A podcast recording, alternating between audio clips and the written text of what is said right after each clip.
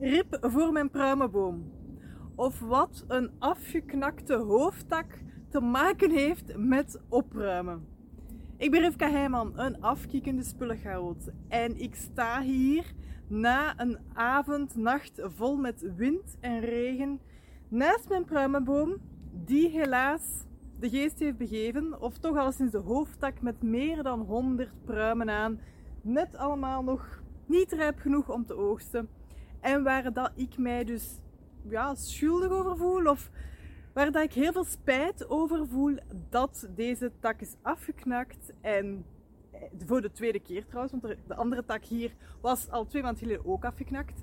En waar dat ik dat spijtgevoel van over, waar dat ik dat met jou wil delen, om jou eigenlijk aan te moedigen om te durven verminderen in jouw spullen voordat het te laat is.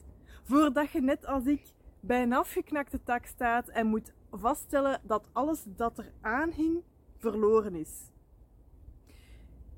Al te vaak hoor ik eigenlijk ook verhalen van mensen die mij vertellen: ik heb dit bijgehouden, jaren en jaren en decennia lang zelfs soms, om dan vast te stellen: bij een lek is alles nat geworden en is het gewoon onbruikbaar geworden. Papier. Ja, herinneringen die gewoon doorweekt werden en de vuilbak moeten. Of dingen die beschimmelen en daardoor niet meer bruikbaar zijn. Stofjes die zo van die stikvlekken krijgen, waardoor het niet meer bruikbaar is.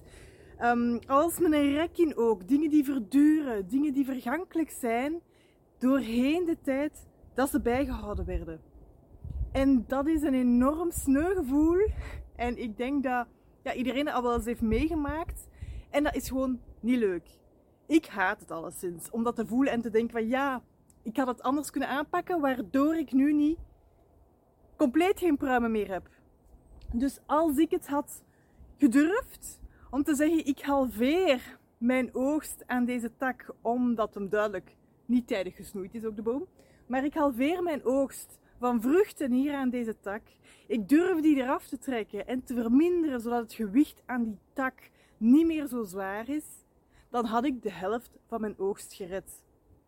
Bij spullen is de lijn ook door te trekken naar durf te verminderen al. Je moet niet meteen alles ervan gaan, gaan uit je huis wegdoen, maar durf te verminderen. Durf te beslissen. Ik geef hier dingen al van weg op een moment dat het nog bruikbaar is, op een moment dat het nog weg te geven is, in plaats van over x aantal tijd vast te stellen, zut, ik heb dat moment, die opportuniteit gemist en nu is het onbruikbaar geworden, nu is het te slecht geworden, nu is het te gedateerd geworden om nog te kunnen doorgeven. En dat is gewoon zo'n ambetant gevoel dat ik dus mijn pruimenboom nu gebruik om jou ook aan te moedigen van wacht niet tot op dat moment dat het knapt in uw huis. Wacht niet tot als je terug die dozen open doet of vaststelt van oh zut, ik heb het een aantal jaar te lang bijgehouden en nu is het gewoon allemaal de vuilbak in kieperen. Ik heb het helaas al te vaak gehoord. Ik heb helaas al ook de spijt in de ogen van de mensen gezien over de spullen die op dat moment dan weg moesten. En dat wil ik jou besparen.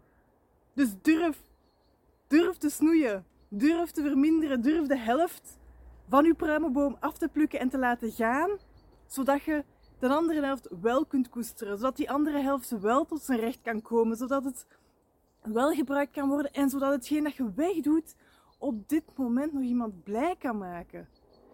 Ja, en dus dit is een voorbeeld van mijn pruimenboom. Geëxtrapoleerd naar de spullen in onze huis, die hebben soms met de beste bedoelingen bijhouden, maar die eigenlijk beter tot hun recht kunnen komen door, weg te door weggegeven te worden. Ik hoop dat je aanmoedigt. Kijk zeker ook nog eens verder tussen mijn andere video's naar interessante insteken rond opruimen, rond mindset. Ik ben een ADD'er, dus ook rond dat topic geef ik heel vaak tips zonder het altijd even expliciet te benoemen. Maar ga aan de slag met je spullen en durf te verminderen. Ga alsjeblieft aan de slag met je spullen voordat je het allemaal moet weggooien. Dat is gewoon niet fijn. Ik ben Rivka Heijman, een afkikkende spullenchaot. Abonneer je lekker op mijn kanaal als je dit interessant vindt om meegenomen te worden in mijn opruimwereld. Die soms een beetje ver reikt, zoals je ziet, tot bij de pruimen. Maar uh, ik inspireer je heel graag verder En ik zie je in een volgende video.